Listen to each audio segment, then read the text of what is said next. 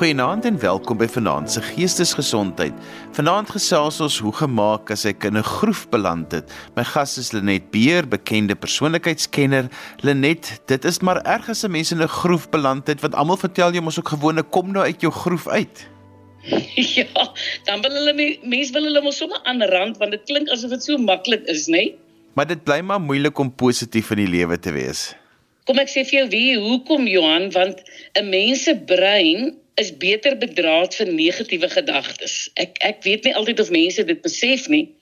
En dit is regtig 'n kuns om hierdie masjien tussen jou ore so te bestuur dat jou gedagtes jou laat vlieg eerder as wat dit jou laat poetjie.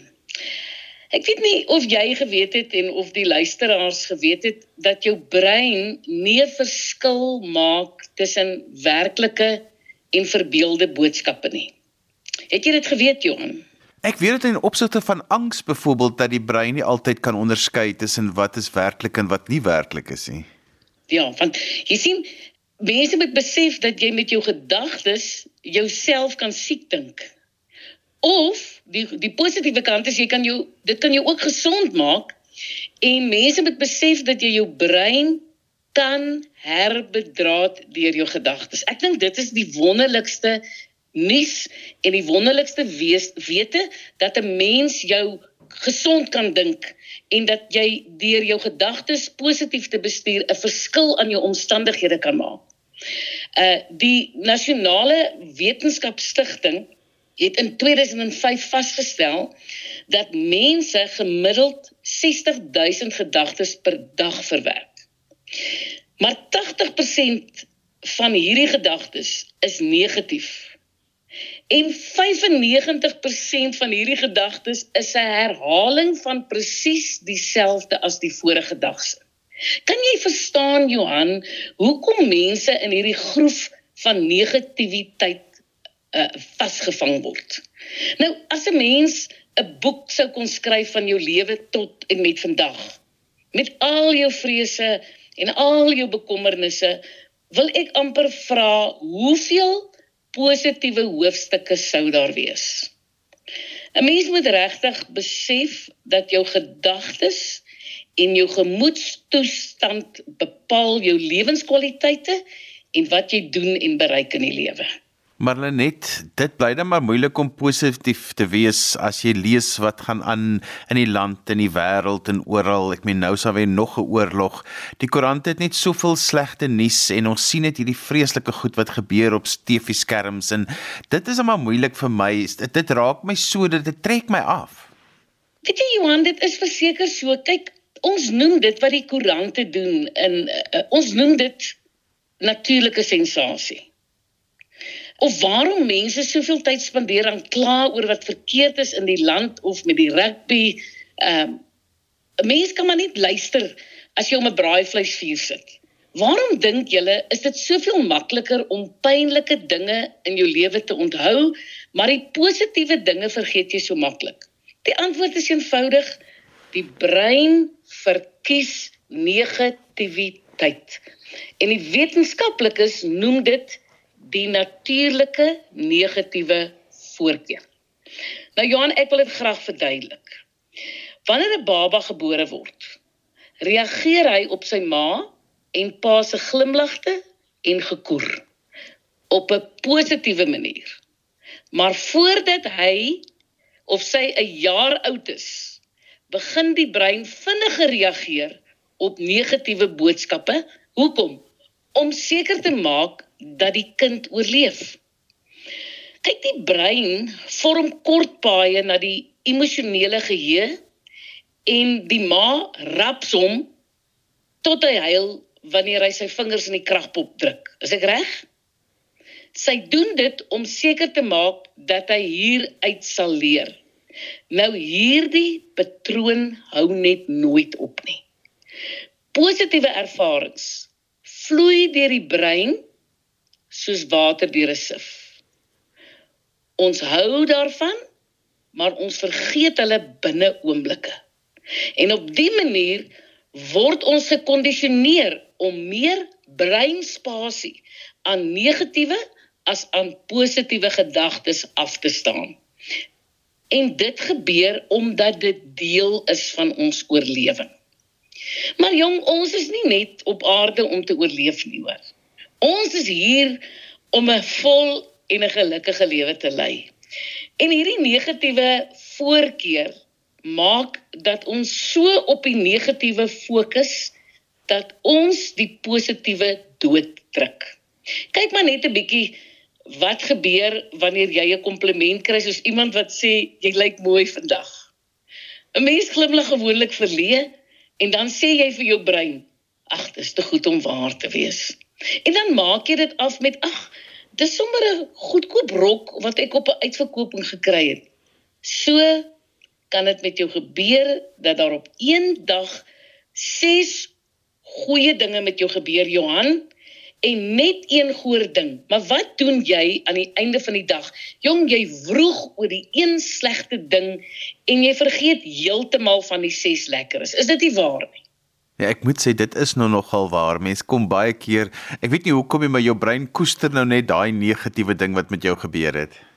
Dit is so in 'n mens moet bewus begin raak en jy moet bewus begin lewe. Soos byvoorbeeld, kom ons neem 'n ander voorbeeld. Jou baas gee vir jou terugvoer op jou werk. Hy noem 'n hele bladsy vol dinge wat hy waardeer en dan een ding waaraan jy 'n bietjie aandag kan gee. Wat is jou reaksie? Jy gesit in jou kantoor in die heilende hoekie oor die een klein dingetjie wat hy gesê het. 'n Mens moet kan sien dat ons natuurlik bedraad is om negatiewe gedagtes uit proporsie op te blaas veral wanneer ons stres beleef. Nou kan jy ook sien dat positiewe gedagtes nie van self kom nie. Asseblief neem kennis, dit kom nie van self nie. Dat dit 'n doelbewuste keuse en 'n besluit is wat jy moet maak om positief te dink.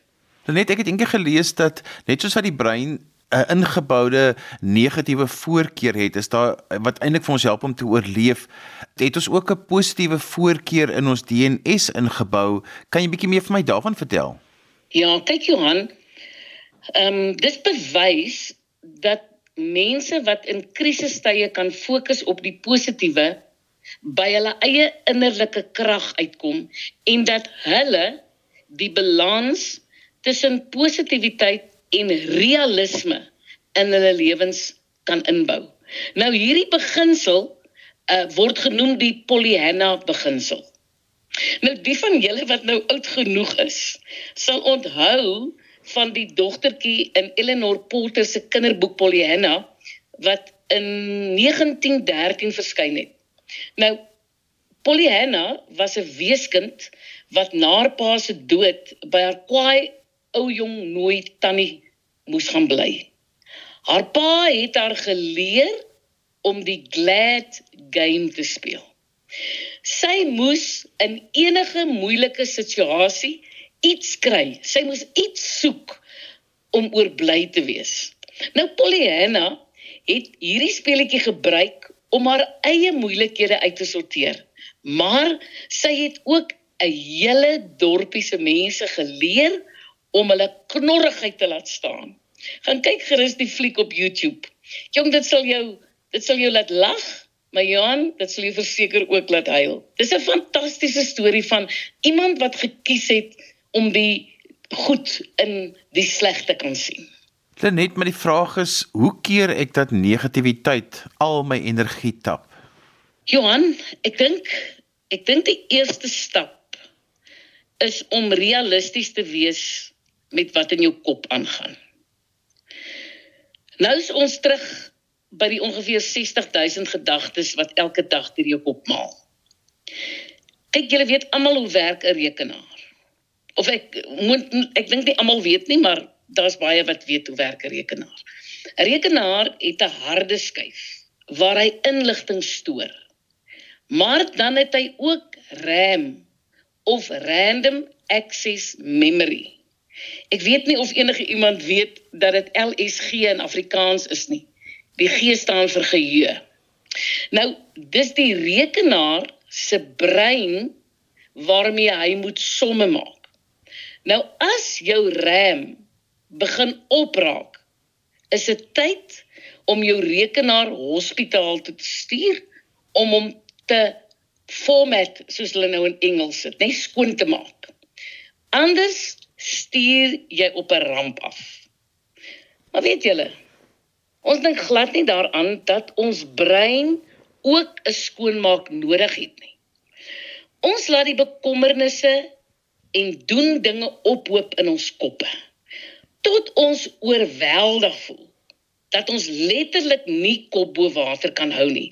Dis wat ons doen. Kop brein skoonmaak. Dis wat ons moet doen. Kom ons veronderstel nou jy het 'n koffiebeker. Die koffiebeker is jou brein se rem. Hy het plek tot 6 vir 60000 gedagtes. Of 'n dag afhangende van jou gesondheid uh en jou gemoedstoestand. Want ons dink ons so 60000 'n dag, nê. Nee. Nou hierdie beker stoor jou gedagtes. Hy vra nie of daar nog plek is in die RAM nie. Hy skink net.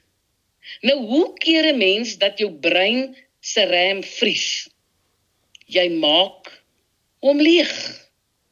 Jy raak van alles ontslaa deur hom te formateer. Heerlikheid Johan, ek weet nie of daar so 'n woord is nie, maar jy raak van alles ontslaa deur om skoon te maak.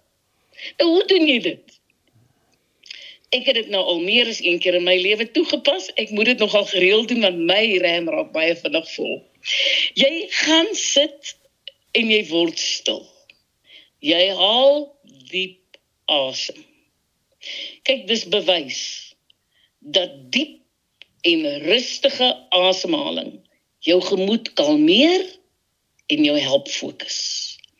Dit trek die aandag van jou malende gedagtes af en maak jou kreatiwiteit los. Maar voordat jy jou foon of jou rekenaar skoonvee, maak jy eers 'n backup. 'n Rugsteenknoppie is nou die fancy Afrikaanse woord daarvoor. Nou hoe doen jy dit?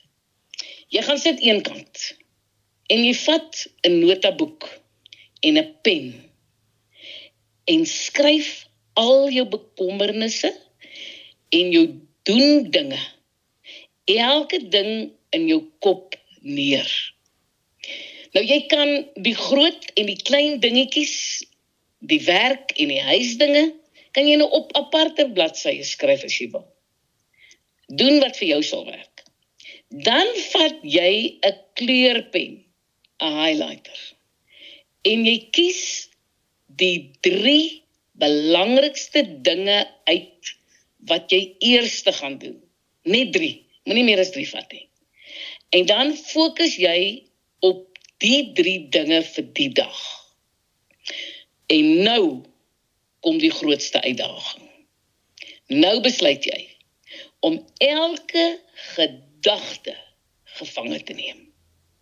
Soos 'n polisieman 'n skelm vang, so boei jy elke negatiewe gedagte wat agter 'n bos uitspring. Julle, dis 'n verskriklike belangrike besluit om te neem. En dis presies wat Paulus gedoen het. Dis nou Paulus van die Bybel. Hy sê in 2 Korintiërs 10 vers 15. Hy sê ons neem elke gedagte gevange om dit aan Christus gehoorsaam te maak. Nou hoekom was dit vir hom nodig? Hoekom? Want hy het besef sy wettiese manier van dink in die tyd toe hy nog 'n fariseer was, was negatief en dit was verkeerd. En hy het besef dat hy op 'n splinter nuwe manier soos Jesus moes dink en doen en lewe. Johan, dit is verseker nie maklik nie, hoor. Jy weet, dit kos 5 positiewe gedagtes om een negatiewe breinpatroon uit te kanselleer. Liewe aarde, jy as jy nie eers die eerste gedagte reg kan dink nie, waar op aarde wil jy die tyd en die energie kry om in die plek van die een wat jy verkeerd gedink het, nou vyf positiewe gedagtes in te dink? En weet jy toe ek dit in my lewe begin besef het, Johan, te besef ek ek moet nie van die eerste oomblik af reg begin dink. Ek kan nie net verkeerd dink nie. Ek moet dink voordat ek dink, want ek het nie tyd om daai negatiewe gedagtes weer oor te dink nie. En dit Johan begin by 'n keuse en 'n besluit, maar dit eindig in harde werk. Onthou, onthou 'n mens leer nie in 'n krisis nie, jong. 'n Krisis wys waarvan jy gemaak is dis wanneer jou geloof getoets word en wanneer jou sterk en jou swakpunte na vore kom. Jong, dit is al oor en oor bewys dat mense goeie maar ook slegte nuus kan verwerk. Maar onsekerheid gooi jou totaal van balans af. Dit laat ons ja, dit laat ons uit beheer uitvoel en maak ons paniekerig. Ons is almal op een of ander manier uitgelewer aan onsekerheid. Daarom moet jy eenvoudig aanvaar dat jou toekoms nie in jou eie hande is nie, maar in God se. En dan selfvertroue is nie om in jouself te glo nie.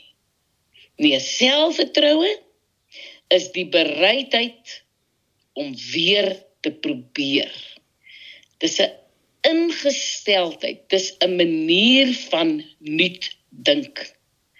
En wanneer die dink dan nou oorgaan in doen, dis dis dan wanneer jou positiewe gedagtes vir jou gaan begin werk.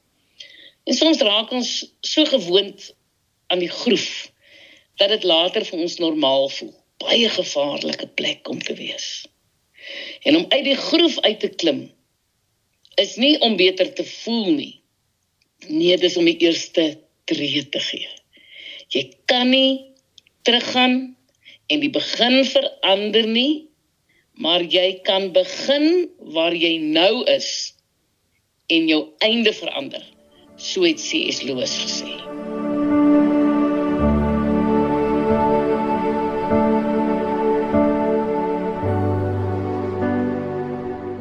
Planette, jy nou so praat, hoe dink ek aan hoe ons dit gewoonlik vir kinders verduidelik. Ons sê altyd vir kinders jou brein is soos 'n tuin en daar's blomme en daar's onkruid in die tuin en jy moet nou besluit vir watter van die gaan jy water gee. En dit help nogal vir kinders om dan ook te sê kom ons haal die onkruid uit en ons gee vir die blomme water.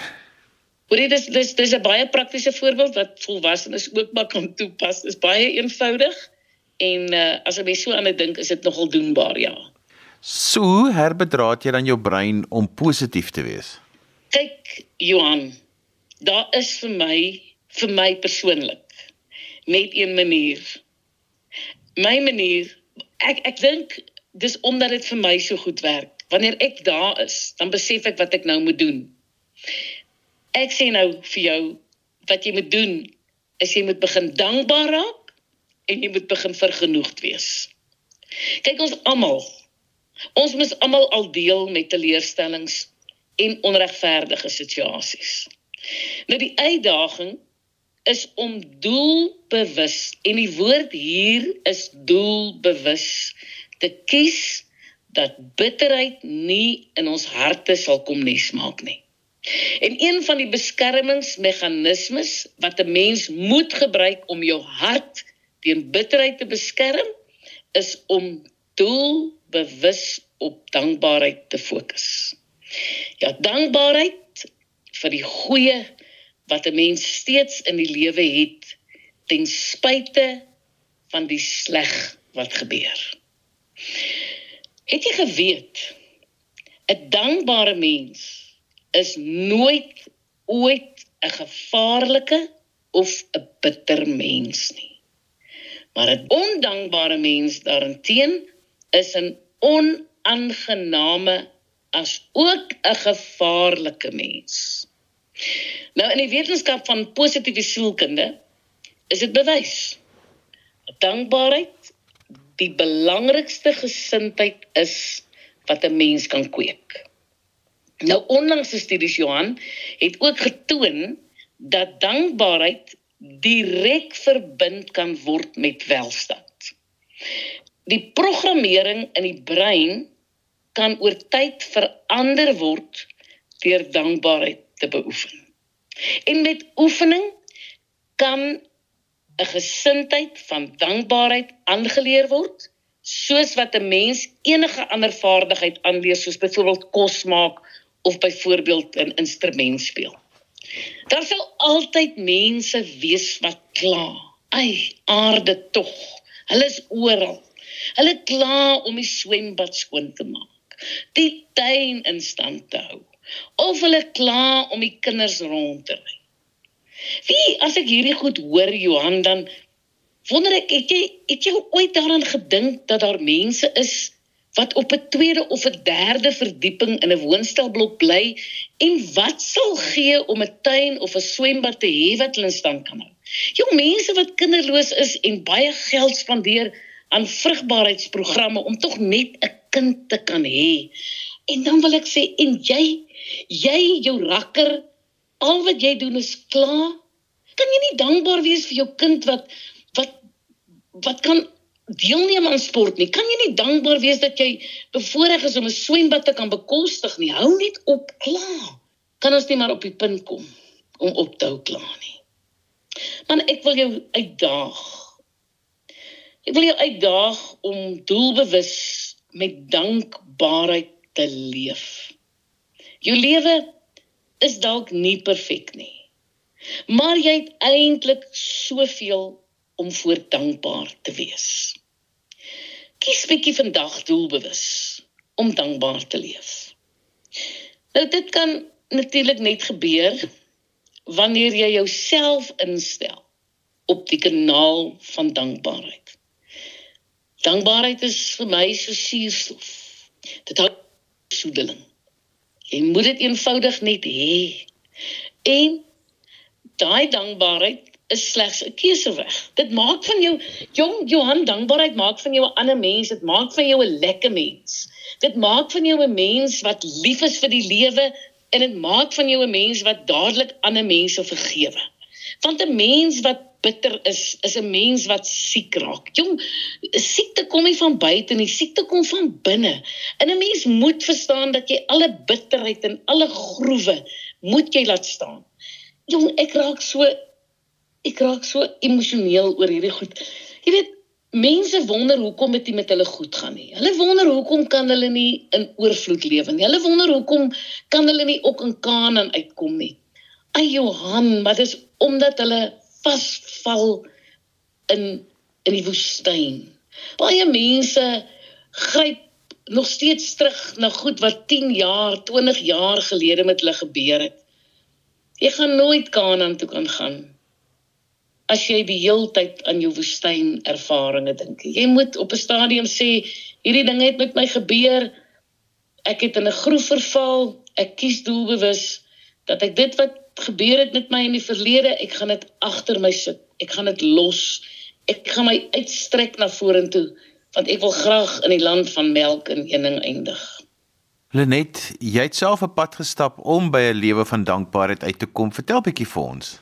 Johan, kyk, my slegste ervaring in my hele hele lewe was toe ek COVID gekry het. En ehm um, dit was my baie baie sleg want dokter wou my nie opneem in die hospitaal nie want sy het vir my gesê dit is baie sleg vir 'n mens se siege as die mense om jou doodgaan en hulle word by jou verbygeskuif.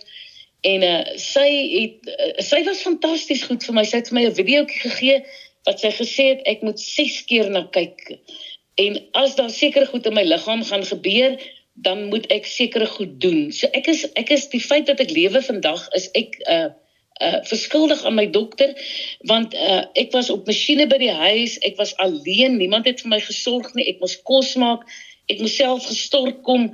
Ek het baie keer nie krag gehad om te stort nie, dan het ek maar hierdie blikkies uh, uh suurstof gehad wat ek gespuit het.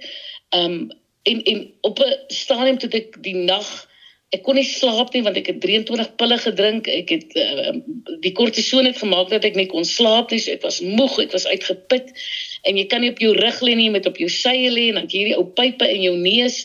En al wat ek gedoen het is ek het goed opgeplak verse wat vir my gesê het bedink dit wat lieflik en loflik in rein is en ek het my gedagtes gevange geneem. Ek het as die doodgedagte by my opgekom het en ek kry nie aan asem nie en ek voel vir my ek gaan dood smoor en ek ek lees my suurstof 'n 'n lesing wat op 'n stadium 73 was, het ek paniekerig geraak en dan het ek gebel en ek gesê bring vir my 'n nuwe suurstofleser want hierdie een werk nie. Intussen is my suurstof so laag. Wie laat ek met mense praat, hulle huil aan die ander kant want ek klink soos iemand wat nou enige oomblik my asem gaan uitlaas. Johan, maar ek het besef ek moet net positief dink. Jy weet laat ek laat ek lê dan voel dit vir my asof ek uh, uh, draai. Dit is asof 'n dwarrelwind my draai in 'n gat af. En hoe verder ek draai, hoe donkerder word dit en hoe donkerder word dit. En en laat ek sien terwyl ek onder is en ek kyk op, dan sien ek klein liggie, 'n klein liggie. En terwyl ek hierdie liggie gesien het, het ek net gesê ek gaan lewe. Ek ek gaan lewe. Ek gaan hierdeur kom. Dis 'n moeilike tyd. Ek het dit gesê in my kop. Ek het dit die hele tyd vir my gesê ek gaan nie doodgaan nie. Ek gaan lewe. Ek gaan ek het lewe gespreek. Ek het ek het my brein uh gevoed met positiwiteit en ek onthou ek het die een aand half 12 toe lê ek op die bank en ek kyk 'n uh, program. Ek het maar altyd die Good Doctor gekyk. Was my 'n goeie program om na te kyk. En uh, ek het uh, daar gelê en en dan kom hierdie boodskappe op my foon deur.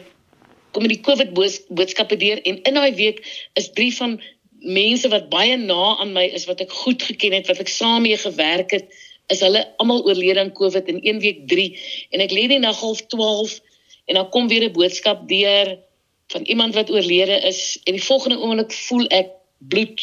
Ek nee ek voel ek voel hier loop iets uit my oor uit terwyl ek op die bank lê en en ek vat so en nou's net die TV kassie se lig kas se lig aan en ek voel so en ek vat my foon en ek sien maar dis bloed wat by my ore by my oor uitloop. Nou wie bel jy half 12 in die nag? En ek het die krag om te Google wat gebeur as die bloed uit jou oë uitloop. En ek lê daar en al wat ek vir myself sê is dat God het 'n plan met my lewe. Daar is nie 'n moontlikheid dat ek kan doodgaan nie. Ek gaan definitief nie doodgaan nie. Ek gaan lewe. Weet jy, ek het elke anker van my innerlike negativiteit het ek losgesny en ek het gesorg dat die boodskap wat ek vir my brein gee 'n positiewe boodskap is. Want ek het oor die jare geleer om my brein die negatiewe om te swaai in positiewe gedagtes. Dis iets wat ek oor jare vir myself geleer het. Ek het geoefen uh, dat dankbaarheid en vreugde deur goeie dade uh beoefen word. Ek het ek het regtig net gesê ek moet nou positiewe in my lewe inspreek waar ek nou eintlik die negatiewe beleef en ek het gefokus die hele tyd gefokus op dinge wat my gelukkig gemaak het in die lewe. En ek het besluit, maar ek gaan weer gelukkig wees en ek gaan weer gesond wees en ek gaan weer my passie kan lewe. En ek het net dankie gesê dat ek nog suurstof in my longe het en ek het dankie gesê dat ek nog kon asemhaal. En ek het net gestry om te bly lewe Johan. Maar ek het die hele tyd vir my brein gesê ek gaan dit maak ek gaan dit maak. Ehm um, En en ek het dit gemaak. Hier praat ek nou met jou. Maar toe ek my dokter sien, sê my dokter vir my Lenet, ek kan nie sien, ek kan nie glo dat ek jou lewendig sien nie. Ek het nie gedink jy gaan dit maak nie. Want vir alle redes met jou toets, hulle tot hierdie uh, hartgasse, daai toetse was sleg. En sy het gedink ek gaan dit maak nie, maar ek het dit gemaak en ek sê nou vandag, Johan, ek sê vir jou, die rede is Ek het nie die gedagte dat ek gaan doodgaan ooit gevoed nie. Ek het lewe oor my gespreek.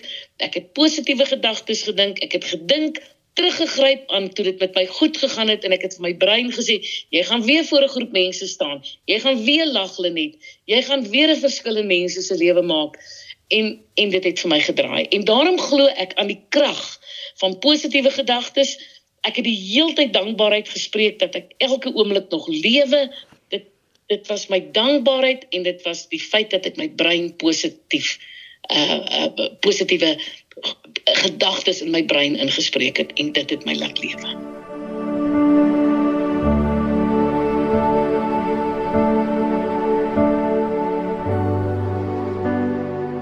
Lenet, ek wil terugkom na waar jy gesê het van 'n mens moet stil raak, jy moet bewus raak van jou asemhaling, jy moet neerskryf wat in jou brein is. Verduidelik ons 'n klein bietjie meer van hoe dit vir jou werk daagliks of wanneer jy dit ook al doen, net so klein bietjie meer details. Kyk Johan, baie keer, nee, of dit dit gebeur van tyd tot tyd dat ek as ek so stil sit as ek en is ek het byvoorbeeld een van die maatskappye uh, sukkel ek mee. Ek sukkel. Ek sukkel om die maatskappy gegroei te kry. Dan en ek het dit nou onlangs gedoen. Dan gaan sit ek. Ek gaan sit stil, dan dink ek. Ek dink waar is ons nou? Wat het ons gedoen om te oorleef tot nou? Dan vra ek vir myself, waar het ons vasgeval in een of ander groef? Ek vra dit vir my. Want ek al diep asem en ek dink, want wanneer jy jou asem uitblaas, dan en jy haal weer diep asem, is dit nuwe suurstof wat oor jou brein gaan. Dan sit ek nou daar en ek bepeins, waar was ek? Hoe het ons gekom waar ons is? Hoekom het, is ons nou in hierdie groef? Wat kan ek nou doen om uit hierdie groef uit te kom? Wie Johan, wat het ek ontdek toe ek nou hierdie laaste groot situasie gehad het? Ek het besef dat die goed wat ek van ander mense leer, moet ek nou toepas in my eie lewe. En ek sê altyd vir mense, want dit is wat navorsing toon dat dit wat met 'n mens gebeur het net 'n 10% invloed op jou omstandighede net 10% dit wat jy met dit doen met die 10% doen is die 90% so toe besef ek Malenetta jy is 'n briljante visionêre leier dis wie ek is maar ek is nie 'n strateeg nie Johan En weet jy hoe ek toe nou uit hierdie groef gekom? Ek het vir my 'n strategie gekry om saam met my hierdie besigheid te ontleed. Jy sal nie glo waarheen ons nou op pad is nie.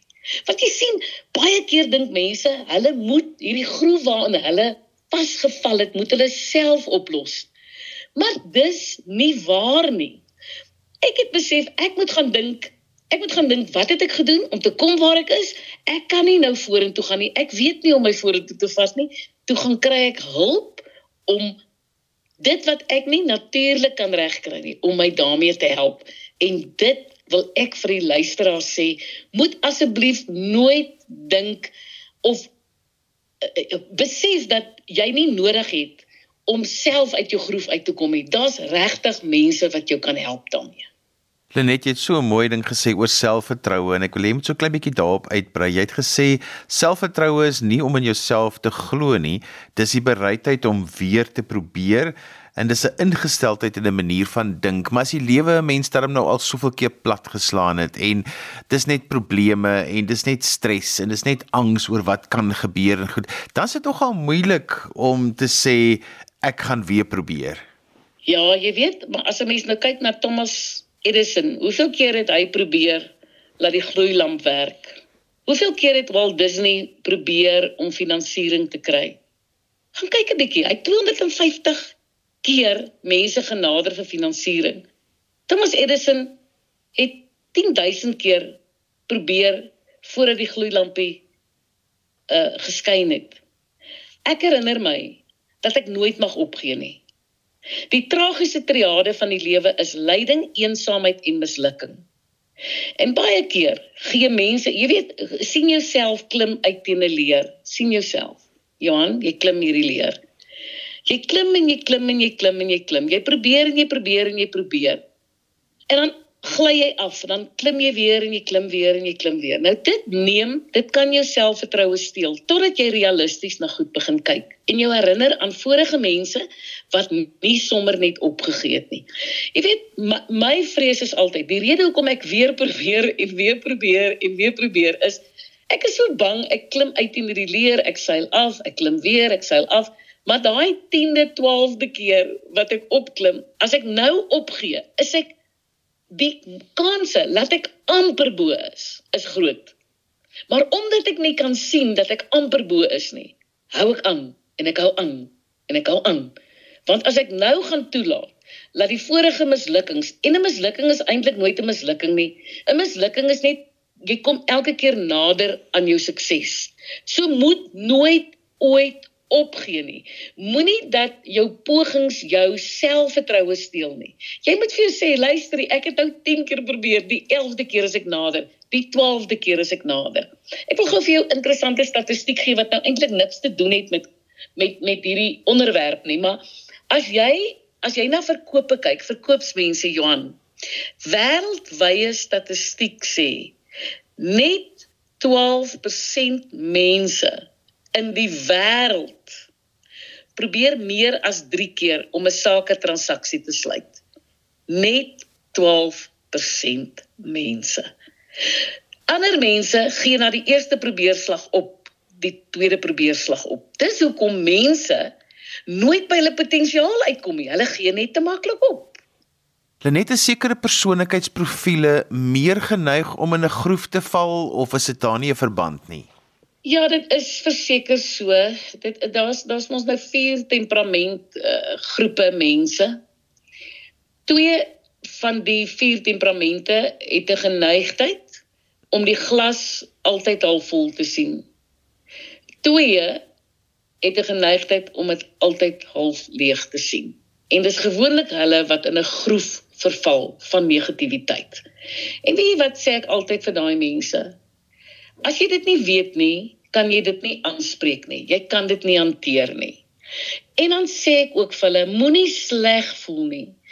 Want Johan, die sondeval het gemaak dat almal van ons uit balans gegooi is. Dis waarom ons sukkel met 'n gebrek aan selfvertroue. Dis waarom sommige mense eers die negatief sien voordat hulle die positief sien. Dis nie dat ons balans, almal se balans is uitgegooi. Ons moet net weer ons balans terugkry. Maar jy kan dit ongelukkig nie terugkry as jy nie weet is wat as jy nie weet wat van jou gesteel is nie. Maar ja, om jou te antwoord, dit is so. Party val makliker in 'n groef as ander. Lenet, jy het so 'n lysie van dinge wat 'n mens in gedagte moet hou as 'n mens in 'n groef is. Vertel bietjie vir ons daai lysie van dinge. Ja, ek dink die eerste ding is sny die anker van jou innerlike negatiewe los. Sny dit af. Sny die negativiteit af. Neem 'n besluit. Jy gaan van nou af wanneer jy dink, gaan jy positief dink. En as jy jou betrap dat jy 'n negatiewe gedagte dink, dan gryp jy daai negatiewe gedagte vas, jy haal hom uit en jy besluit doelbewus om jou energie en jou tyd te spandeer aan die oplossing eerder as aan die probleem. Dis die eerste ding. Die tweede ding is leer jou brein om die negatiewe om te swaai in positiewe gedagtes. Onthou jou brein ken nie die verskil tussen feite en fiksie nie. So daarom moet jy nou begin positief dink sodat jy jou brein positief bedraad. En dan in die derde plek, oefen dankbaarheid en vreugde deur goeie dade waarvan niemand hoef te weet nie. Wie jy wanneer 'n mens goed doen aan ander mense en goed doen vir ander mense, laat dit 'n mens goed voel oor jouself. Dis is 'n wonderlike belewenis. Wie jy Johannes ek af is, as ek negatief voel, want ek is nie altyd bo op die berg nie. Ek kry ook my vallei tye. Dan doen ek moeite om vir iemand iets goeds te gaan doen. Want daai goedheid wat ek aan ander bewys, laat my goed voel oor myself. Dan bring lig en positiwiteit waar jy jou nou bevind. Wanneer ek op 'n plek is, dan sê ek vir myself, op pad soontoe terwyl ek soontoe ry, voordat ek by 'n gebou instap, dan sê ek, "Goed, Lenetta, jy is nou hier en jy is die lig in 'n donker wêreld. Jy is die sout van die aarde. Jy gaan nou met enige iemand met wie jy nou praat, gaan jy lig wees en jy gaan sout wees. Wie jy Johan, jy moet dit doelbewus elke dag doen. So my ingesteldheid is wanneer ek instap, gaan ek 'n verskil maak. Dan fokus op die dinge wat jou gelukkig maak omdat jy lewe. Wie ek het die ander nag toe word ek wakker. Dit mag dalk nou vir luisteraars eenvoudig klink, Johan. En ek het 'n uh, eh, uh, eh, yskas toe gestap. Ek het vir my water uitgegooi. Dit was in die middel van die nag en daar het 'n teelepeltjie gelê op my wasbak. Gewoonlik is my plek uh, skoon, skoon alleen niks rond nie. Is maar 'n gedrag wat ek aangeleer het, dis nie my natuurlike temperament. Ek is so bly ek het dit aangeleer. Vir jy Jan en ek vat daai teelepeltjie en ek kyk hom so en ek sê ag Here, dankie vir hierdie mooi teelepeltjie. Hoe eenvoudig. Maar dit is dankbaarheid. Op pad kamer toe kyk ek na my vertrek die die die sitkamer en ek dink Here, dankie vir my mooi meubels. Want ek is net so dankbaar. Fokus op dinge wat jou gelukkig maak. Die volgende dag sou ek met vriende in Durban wat uit Durban hier kom kuier het ontmoet, dan is ek sommer net gelukkig dat mense my graag wil sien. Ek raak so gelukkig as ek 'n WhatsApp kry, dink ek, "Haai Here, kyk nou net hierdie mense het aan my gedink." Dit maak my gelukkig. Ek is bevoorreg dat ander mense my belangrik genoeg ag om vir my 'n WhatsAppie te stuur. En dan maak ek altyd tyd vir my passie. My passie is om kennis te versamel. Ek hou van nuwe dinge op te lees, te bestudeer, want môre tree ek op voor mense, dan kan ek vir hulle nuwe goedjies leer. En dan die ander ding is doen vandag iets waarvoor jy jouself gaan bedank. Sê vir jouself aan die einde van die dag, Netta, daar het jy ek, ek het byvoorbeeld gister toe sukkel iemand om hulle kaartjie te betaal. En hulle krap in hulle beursie want die sente, die die R5 werk nie. En dan sê ek wag, ek gaan my goeie daad vandag doen. Ek betaal jou kaartjie vir jou. En dan kom ek by die huis en dan sê ek ag Here, dankie dat ek 'n ou geldjie gehad het sodat ek goedheid aan iemand anders kon bewys wat verleë voor die masjien gestaan het omdat hulle al die ander mense ophou. En dan verander jou gedagtes. Besef as jy jou gedagtes verander en positief dink, verander dit jou hele hele wêreld. As jy jou lewe wil verander, Johan, dan moet jy jou gedagtes verander. Dis my storie. Lenet, as mense met jou verder wil gesels of meer wil weet wat jy doen, hoe kan hulle met jou kontak maak? Hulle kan my kontak op my webtuiste www.lenetbeer.co.za. Daar's so 'n ou plekkie wat jy 'n e-pos kan stuur. En so gesels Lenet Beer en ons het vanaand gesels oor hoe kan ek uit my groef uitkom?